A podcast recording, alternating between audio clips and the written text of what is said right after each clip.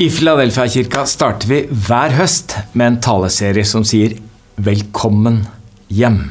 Og det sier vi til alle som kommer tilbake etter ferie og reise, men også til alle som er nye i byen, eller kanskje til og med nye i kirka. Og etter denne langvarige pandemien hvor vi i Oslo ikke har kunnet ha fysiske gudstjenester i Filadelfia-kirka, så føles det jo ekstra godt denne høsten å kunne si 'Velkommen hjem'. Og noen spør seg kanskje trenger vi egentlig kirka etter korona? Hvis troen bare er en teori som vi holder for sann, så trenger vi kanskje ikke kirka på kort sikt, men Filadelfia-kirka fins jo for å lede mennesker som ennå ikke tror, til helhjertet etterfølgelse av Jesus. Så Tro er jo ikke teori, men et liv vi lever. Så for å svare på spørsmålet om kirka trengs etter korona, så ser vi disse søndagene på temaer som den store fortellingen versus den lille fortellingen. Det fortalte Andreas om sist søndag. Så skal vi høre om deltaker versus tilskuer, altså om vårt oppdrag i livet. Og om familie versus kunde om vår identitet som kristne. Og målet vårt i denne serien er å vise hvorfor kirka fins og er mer aktuell og nødvendig kanskje enn noen gang. Og i dag er tema hellige handlinger versus tilfeldige. Og dere som har vært eh, en stund iallfall i Filadelfia-kirka, vet at vi fra tid til annen innimellom andre taleserier har noen enkeltstående søndager som vi kaller hellige handlinger. Hvor tema og fokus er dåp eller nattverd, lovsang eller forbønn, gudstjeneste eller givertjeneste. Altså noe av dette vi gjør, og så prøver vi å bevisstgjøre oss på hellige handlinger. Og siden ordet 'hellig' ikke er det ordet som er mest brukt i 2021, så er det kanskje greit å starte med å spørre hva mener vi med hellig i hellige handlinger? Ordet 'hellig' kommer fra det hebraiske 'kadosh' og det latinske 'sanctus', som egentlig betyr å kappe av eller å skjære bort. Altså Det er snakk om noe som er skilt ut, satt til side for et spesielt formål. Noe som er annerledes og unikt, noe som skiller seg ut fra alt annet. Slik som f.eks. Gud skilte sabbaten fra de andre dagene, og skilte tempelet fra de andre husene. Og på religiøst språk så snakker vi jo da om det som er tatt ut av verden og innviet til Gud. Derfor kjenner vi begreper som hellige steder og bygninger, hellige skrifter og ritualer, hellige personer, og som i dag hellige handlinger. Vi begynner i kjernen, i kilden. Gud er hellig. Bibelen forteller oss at Gud er en hellig Gud. Og på en måte så kan vi vel kanskje si at Gud er den eneste som virkelig er hellig, fordi han er den eneste som ikke er skapt. Vi står i fare for å få et litt endimensjonalt gudsbilde der Gud bare, unnskyld, bare er kjærlighet. Og ja, Gud er kjærlig, men Gud er samtidig hellig og rettferdig. Så gudsbildet vårt må romme mer enn én dimensjon. Profeten Jesaja ser et syn at Herren sitter på en opphøyd trone, og kanten av kappen hans fyller tempelet, omgitt av serafer som roper til hverandre. Jesaja 6,3. Hellig, hellig, Hellig er Herren Sebat. Hele jorden er full av Hans herlighet. Og da Johannes var på Patmos mange hundre år senere, får han et lignende syn. Han ser en trone i himmelen, og at det sitter en på tronen, og rundt tronen er det ulike skapninger, og de roper. Natt og dag roper de uten stans. Hellig, hellig, hellig er Herren Gud den allmektige, han som var, og som er, og som kommer. Du husker sikkert historien om Moses som er alene ute i ørkenen, og plutselig så ser han en tornebusk i flammer, og det spesielle er jo ikke at tornebusken brenner, men at den ikke brenner opp. Og ikke bare at den ikke brenner opp, men den snakker. Gud taler gjennom tornebusken, og beskjeden er klar. Gud sa, 'Kom ikke nærmere, ta skoene av føttene', for stedet du står på, er hellig grunn. Hva skulle det bety for oss i dag, i 2021, at Gud er hellig? Men ikke nok med det. Vi er de hellige. kirka, Guds barn. Etter syndefallet så ble jo relasjonene mellom den hellige Gud og syndige mennesker brutt, og veien til Gud ble stengt for syndere. Og dette uttrykkes jo ved disse englene som skulle holde vakt foran eh, inn i Edens hage. Vi var utestengt, og dette kommer igjen når det blir innvevd disse to englene, eller hva heter det, er det serafer? Disse som blir vevd inn i forhenget i tempelet, som skulle advare folk. Ikke kom nærmere, hold avstand. Her er den hellige Gud, og dere er syndere. Det er adgang forbudt for syndere. Men da Jesus ropte på korset 'Det er fullbrakt', da revnet dette forhenget. Fra øverst til nederst. Og veien til den hellige Gud ble åpnet for syndere av alle slag. For den hellige Gud vil dele sitt liv med oss. Og gjennom Jesus så blir du og jeg erklært hellige. Så når Paulus skriver til menighetene han har tilsyn med, eh, og selv om han avdekker mange feil og mye mangler og mye rart, så omtaler og tiltaler han i brev etter brev Guds barn som de hellige. Som f.eks. her i avslutningen av Filippe-brevet 4.21-22. Hils hver og en av de hellige i Jesus Kristus. Mine søsken her hilser dere. Alle de hellige hilser dere. Det er ikke så veldig ofte at vi omtaler andre kristne som hellige, men eh, Bibelen omtaler oss som hellige. Så utgangspunktet for våre hellige handlinger det er at Gud er hellig, og at vi gjennom Jesus Kristus blir kalt og er de hellige. Apostelen Peter følger opp dette og sier han som kalte dere er hellig. Slik skal også dere være hellige i all deres ferd. For det står skrevet dere skal være hellig, for jeg er hellig. Så hva skulle det bety for oss i dag?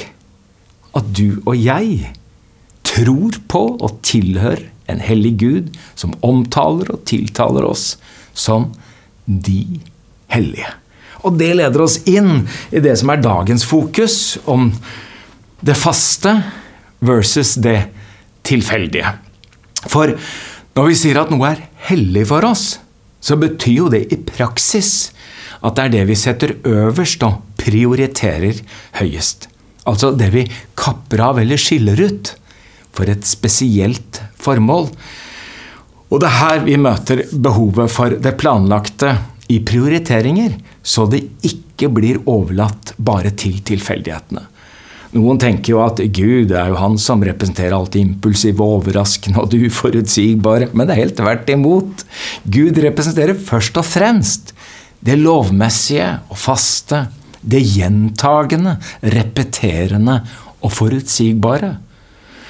I skapelsens morgen leser vi at det er mørke, det er kaos, det er forvirring og mangel på orden, og så kommer Logos, som er Jesus, og skaper kosmos, som betyr orden. Og hvordan ble det orden? Jo, Gud skilte dag fra natt, mellom lys og mørke, fra årstider, mellom kaldt og varmt, i sykluser som skifter mellom modning og innhøstning. Så det kommer aldri til å skje, det der at oh, vil jo så overraska, så kom tre netter på rad, og så kom det høst to ganger. Nei, Gud er ordens gud. Det som vi ellers kaller for naturens orden.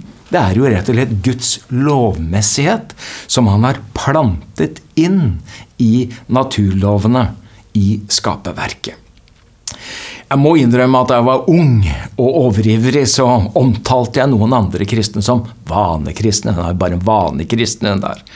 Men etter hvert så har jeg blitt så gammel og sett at eh, mange av de som var, som meg, overivrige, brennende i en periode eller i en spesiell situasjon, mange av de ble borte underveis.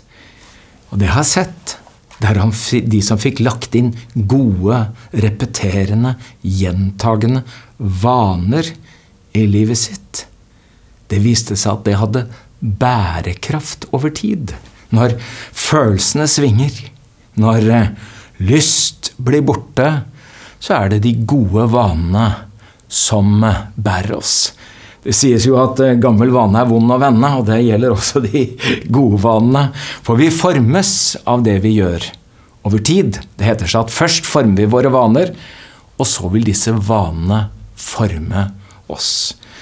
Og I vår del av verden så står jo ofte kampen om hvordan vi da forvalter og disponerer tid og penger. Vi ser utslag i kalender og konto. Og Det er disse to områdene som jeg tenkte at jeg spesielt da skulle sette fokus på i dag. Og Jeg tenkte jeg skulle begynne med tid, eller det vi kan kalle for hellige dager. For det første som kalles hellig i Bibelen, det er ikke et sted eller en person eller en gjenstand, men et stykke tid. Første Mosebok. Gud velsignet den sjuende dagen og helliget den. For den dagen hvilte han fra hele sitt arbeid, det som Gud hadde gjort da han skapte. Og så er det sånn at når den første dagen eh, hva er det står? Når det første brødet er hellig, så er hele deigen hellig, og er roten hellig, så er greinene det også. For når hviledagen er en hellig dag, så betyr det ikke at den er isolert. Og den er heller ikke et tomrom. Den er et fylt rom som fylles av Gud. Så helligdagen er jo selvfølgelig ikke da bare en avkobling, men en tilkobling. Vi er koblet til Gud, og så er vi kobla til Guds folk. Jeg forliker denne illustrasjonen her, hvor søndagen, helligdagen, er i sentrum. Altså ikke bare dagene kommer etter hverandre lineært, men tenke sirkulært. Hvor helligdagen berører alle dagene som navet i hjulet, som sentrumet i sirkelen. Kirkebesøket i Norge ligger på bunnen i hele Europa. Bare én av ti nordmenn går i kirka én gang eller mer i måneden. Av de 37% i Norge som bekjenner en kristen tro, så er det i underkant av 5 som går til gudstjeneste i en kirke. Ikke et vondt ord om gode vaner. For gode vaner har som sagt bærekraft. Når følelsene svikter, når eh, lysta varierer Det står til og med om Jesus at han kom til Nasaret, hvor han var vokst opp, og på sabbaten gikk han inn i synagogen slik han pleide. Det er mange bilder på hva kirke er. Jeg syns dette bildet om eh, kirka samlet rundt ildstedet hvor Edin Løvaas sier menigheten er en krets av disipler samlet omkring mesteren. Som lys i mørket, som varme i kulde, er samlingen på de hellige dagene rundt Jesus Kristus. Og når noe er hellig i Bibelen, så er det aldri isolert fra omgivelsene. For det spesielle, det skal påvirke det alminnelige. De første høytidene var jo jordbruksfester som forholdt seg til månefasene. Derfor er påske og pinse såkalte bevegelige høytider. Påskedagen er jo alltid første søndag etter den første fullmåne etter vårjevndøgn. Så før noen lagde noen som helst slags kalender, så skrev Gud noe inn i himmelen som handlet om hellige dager og høytider.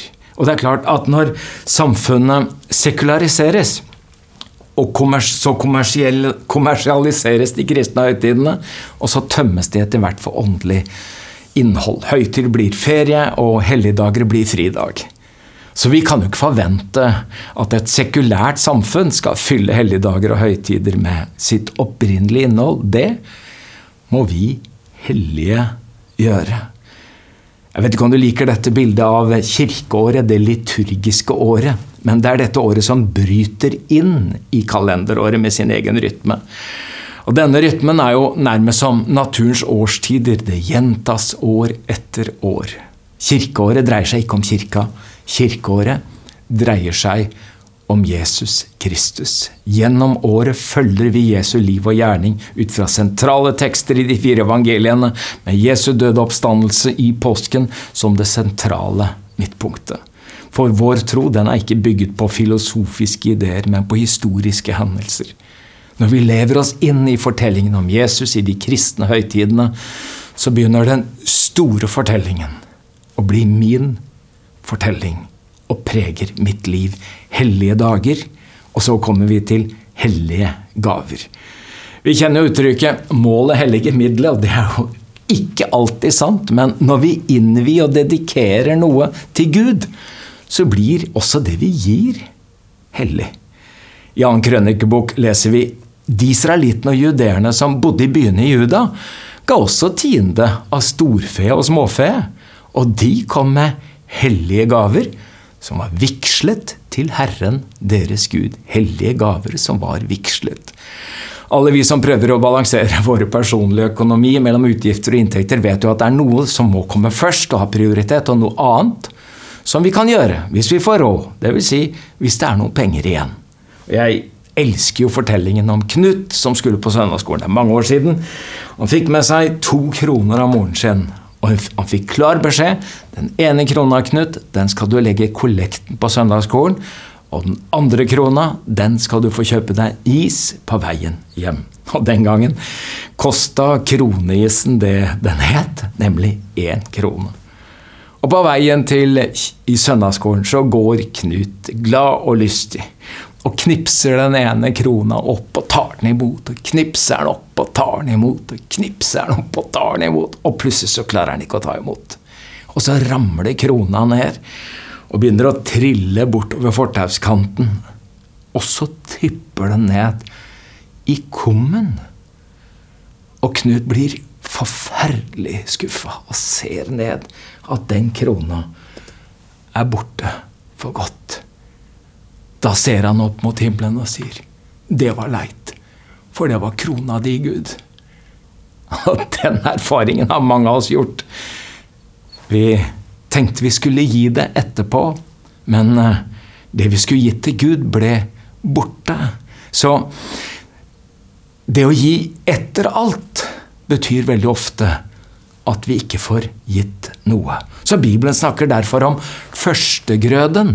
Og det, det, er som en rød tråd gjennom hele Det gamle testamentet. Det betyr at Gud ikke får det som blir igjen, det som blir til overs, men at vi begynner med hellige gaver, altså første prioritet. Første grøde. Og Dermed så blir jo det en troshandling, for vi vet jo ikke alltid om det blir noe til overs, men Israels folk de skulle lære seg å holde noe hellig, sette noe til side og innvie det til Gud. Og dermed så ble jo det også da en tilbedelseshandling, for ved å gi Herren først, eh, før alle andre og alt annet, så sa de også hvem som er øverst og kommer høyest. Eh, det betyr jo at når vi f.eks. er gjester i huset vårt, så er det ingen som nekter deg å forsyne deg sjøl først, da. Men eh, alle oss som har vokst opp i et forholdsvis møblert hjem, vi har liksom lært oss dette enkle at har du gjester, har du noen på besøk, noen du vil ære og hedre, så forsyner du deg ikke sjøl først.